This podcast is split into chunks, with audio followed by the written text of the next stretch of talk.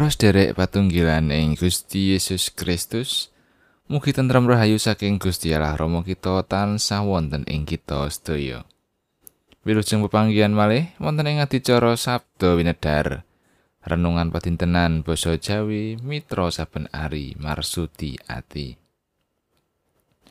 Wawasan kitab suci dinten menika kapendet saking Filipi bab kalih ayat tunggal ngantos 11.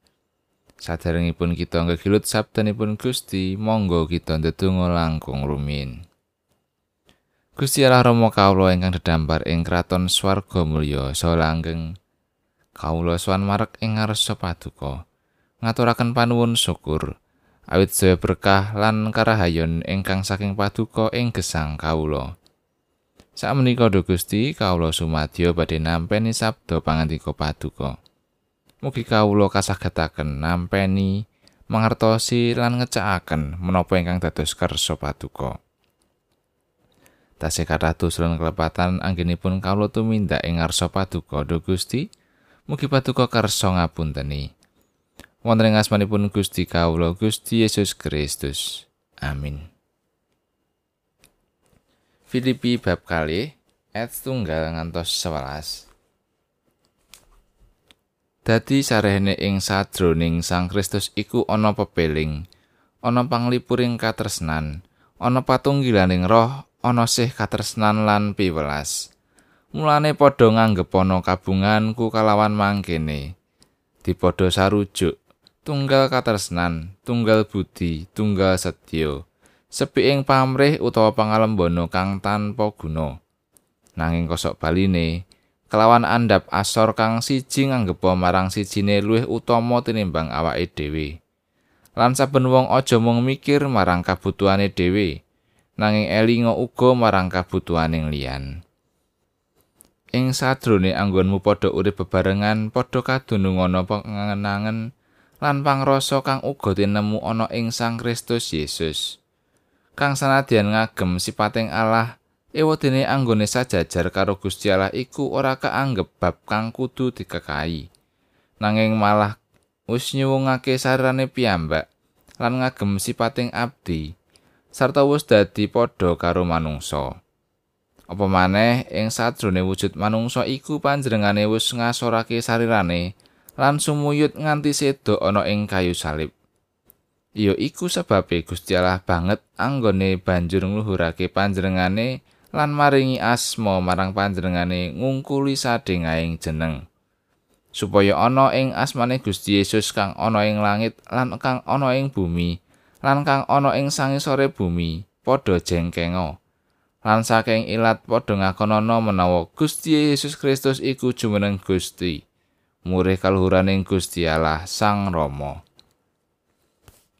Mangkaten pangandikanipun Gusti ayat nat saking ayat sekawan lan saben wong aja mung mikir marang kabutuhane dhewe nanging elinga uga marang kabutuhane liyan menawi wonten tiyang ingkang nyebat kita mung mikir awake dhewe tentu kita badhe nepsu lan wantun padudon.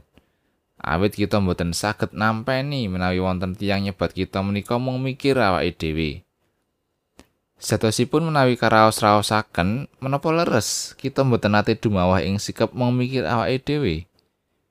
Menawi tiyang sanes mbetahaken pitulungan, menawi gereja mbetahaken kathah para pelados kados pundi sikap kita? Menapa kita nggih sampun cawe-cawe? Asring kita mendelake mawon. Lah to sampun wonten ingkang mitulungi, sampun wonten ingkang leladi lan sapiturutipun. Mboten wonten tumindak menapa-menapa. Ananging menawi wonten tiyang ingkang nyebat kita mau mikir awake dhewe, malah dadosaken kita nepsu. Nepsu karena kepengin selak lan nutupi keringkian kita. Kados pundi menawi gesang menika nembe kebak perkawis? Menapa sampun saged migatosaken tiyang sanes? Rasul Paulus mbangun pasaman ing Filipi ingkang nembe ngadepi maneka warni tantangan. Wonten ing tantangan ingkang dipun adepi asring kalampah namung migatosaken gesangipun piyambak. Kamangka menawi gesang menika namung migatosaken kabetaning piyambak, tentu badhe sansaya aurat. Sangkul sinangkul ing bot repot badhe ndadosaken kabetahan saha tantangan menika sansaya enteng. Pasamuan kawangun dadosa patuladan gesang ing patunggilan.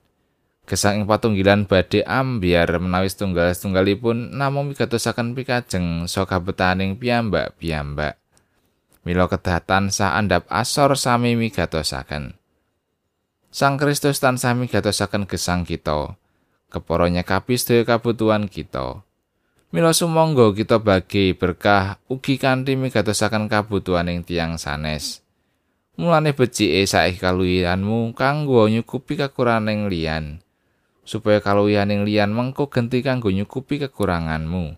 Teman banjur dadi setimbang. Kalih Korinta bab 8 ayat 11.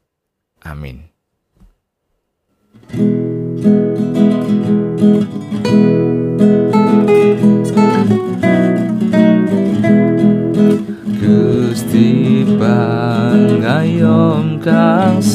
setyo ngire lambah kawulo Nadyan panggoda nempuh kula tanpa dileno wit kinanti dening Gusti siang talasan ratri siang dalasan ratri